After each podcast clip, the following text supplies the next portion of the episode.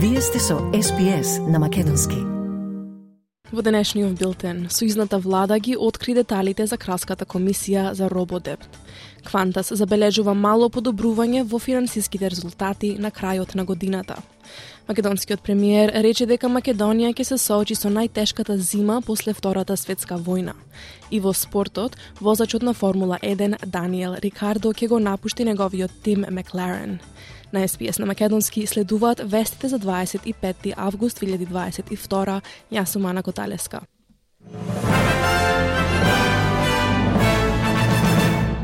Премиерот Антони Албанезе објави краска комисија за шемата Рободепт, како што вети неговата партија за време на сојузните избори. Преку шемата предводена од предходната влада, илјадници корисници на социјална помош беа погрешно гонети од страна на Сентелик за долгови што не ги должеле.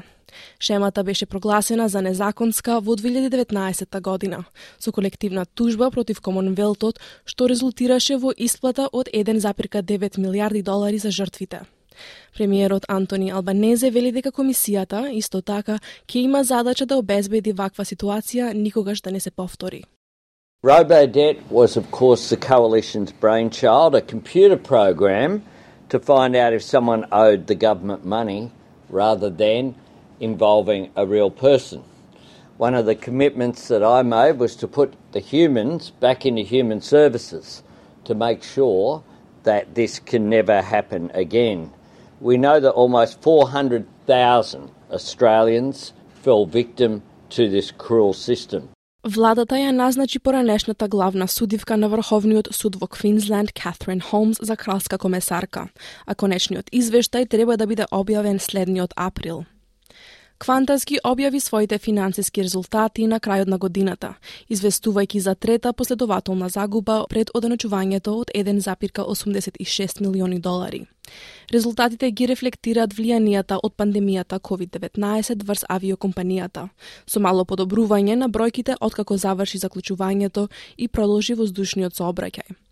Главниот извршен директор на Qantas, Елен Джойс, вели дека резултатите ја раскажуваат приказната за турбулентното време за националниот авиопревозник, но и процесот на закрепнување кој веќе е започнат.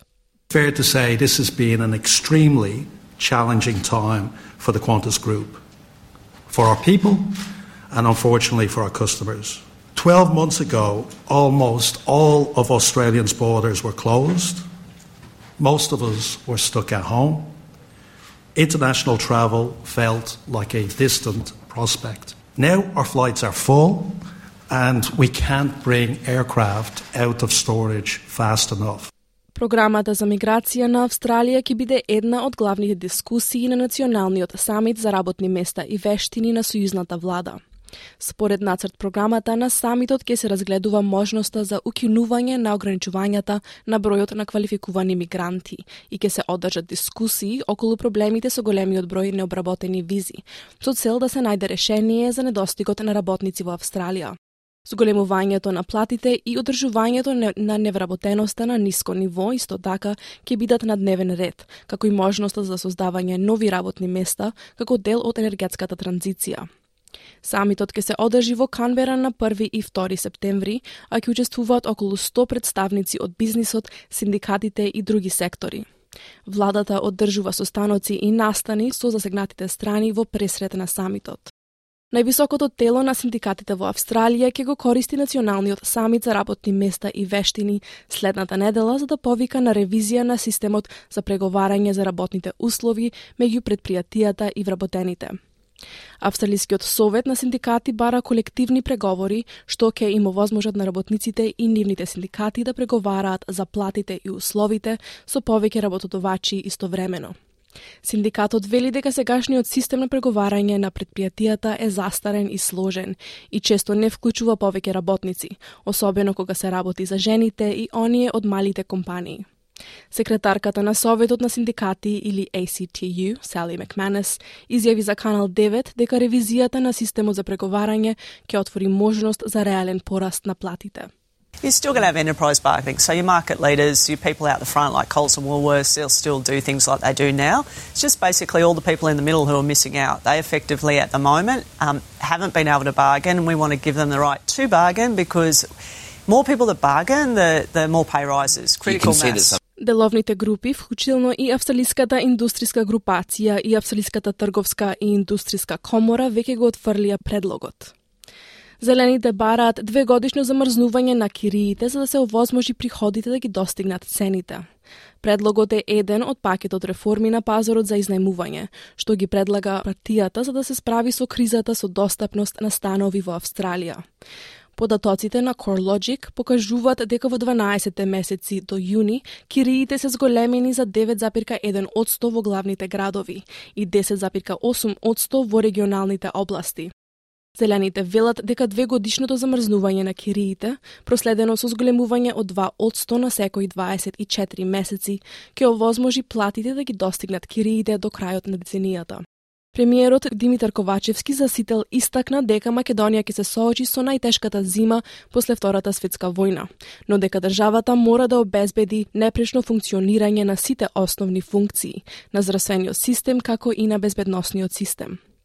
Тој додаде дека институциите веќе ги применуваат мерките за штедење на електричната енергија. Најосветлената зграда во државата е зградата на владата, а во наредниве неколку дена тоа ќе се промени, вели Ковачевски. Премиерот истакна дека во денешната либерална економија пазарот е тој кој што ги диктира цените во енергетскиот систем, исто како што ги диктира цените на производите на широка потрошувачка. Она што што ЕСМ како државна компанија го презема врз себе, тоа е а, да обезбеди електрична енергија по најповолна цена, а државата согласно со своите а, со своите можности а, да ја субвенционира во најголем дел таа електрична енергија. И затоа ние досега имаме електрична енергија која што е 80% субвенционирана, цената на електрична енергија е 80% субвенционирана од страна на државата. Денот на независноста на Украина е одбележан со смртоносен руски воздушен напад врз железничка станица во источниот дел на земјата. Најмалку 22 лица загинаа, а десетици други се повредени откако руски ракетен оган погоди воз на станица во Чаплайн во регионот Днепропревск. Нападот се случи додека Украина го прославува Денот на независноста на земјата, како и 6 месеци од почетокот на инвазијата на Русија. Украинскиот председател Володомир Зеленски ја прими веста за нападот додека имаше обраќање во Советот за безбедност на Обединетите нации, Велики дека бројот на загинати може да се зголеми. There is no such war crime that the Russian occupiers have not yet committed on the territory of Ukraine. But if Russia is not stopped now and in Ukraine, if it is not stopped by the victory of Ukraine, then all these Russian murderers will inevitably end up in other countries Europe, Asia, Africa, Latin America. Во меѓувреме, Соединетите Американски држави ветија дополнителни 4,1 милиарди австралиски долари воена помош за Украина, што ќе ја возможи на земјата да набави системи за воздушна одбрана и артилерија, муниција, беспилотни летала и друга опрема. А премиерот на Обединетото кралство во заминување, Борис Джонсон, го посети Киев на Денот на независност, каде што му беше врачен медал Орден на слободата, како и признание за британската воена помош. Господин Джонсон ги повика западните сојузници да ја задржат својата силна поддршка за Украина во текот на зимата, предупредувајќи против правење компромиси со Русија за мировен договор. Со помалку од 100 дена до светското првенство во Катар оваа година, застапниците за човекови права ги повикуваат играчите, гледачите и раководните тела да обрнуваат внимание на прекашувањата на човековите права во земјата. Повеќе медиуми и групи за човекови права објавија дека лјадници мигранти загинале поради изградбата на стадионите во жешките горештини во Катар. Според некои извештаи, мигрантите од Пакистан, Непал и Индија се соочуваат со модерно робство, што може да вклучува неисплатени плати, должничко робство и забрана да ја напуштат земјата, Никита Уайт од Амнести Австралија вели дека работните услови се ужасни и често вклучуваат физичка или вербална злоупотреба, а сторителите не се соочуваат со никакви последици. We've worked with a lot of uh, migrant workers over the years who have faced really horrifying conditions at work, and those people are never held responsible. And that can be everything from working. You know, we speak to people who work pretty much 24 hours a day, who might face physical abuse from their employer, who you know, will face verbal abuse from their employer, these people who are not paid their wages for months on end. The people responsible for those abuses face no accountability and they face no consequences. Возачот на Формула 1 Даниел Рикардо и неговиот тим Макларен со седиште во Обединетото кралство се разделуваат. Рикардо ја објави веста на социјалните мрежи на своите 7,3 милиони следбеници на Инстаграм. Тој вели дека не изгубил ништо од својата страст за Формула 1.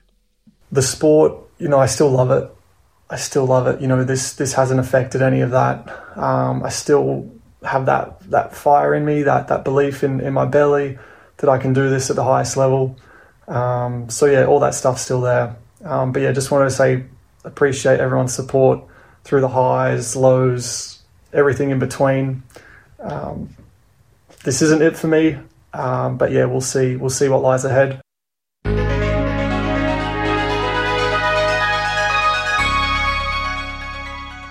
Од најновата курсна листа, денеска еден австралиски долар се менува за 0,69 евра, 0,69 американски долари и 42,29 македонски денари. Додека еден американски долар се менува за 61,27 македонски денари, а едно евро за 60,95 македонски денари. И на кратко временската прогноза за главните градови за утре петок 26 август. Сончево за Перт 21 степен, облачно за Аделаид 16 степени, слаби повремени врнежи се очекуваат во Мелбурн 15, делумно облачно за Хобарт 15, слично и за Канбера 16 степени и делумно облачно. Краткотрајни слаби врнежи за Сиднеј 19 степени. Претежно сончево во Брисбен 22, за Дарвин сончево 33 и Елес Спрингс сончево со 20 степени.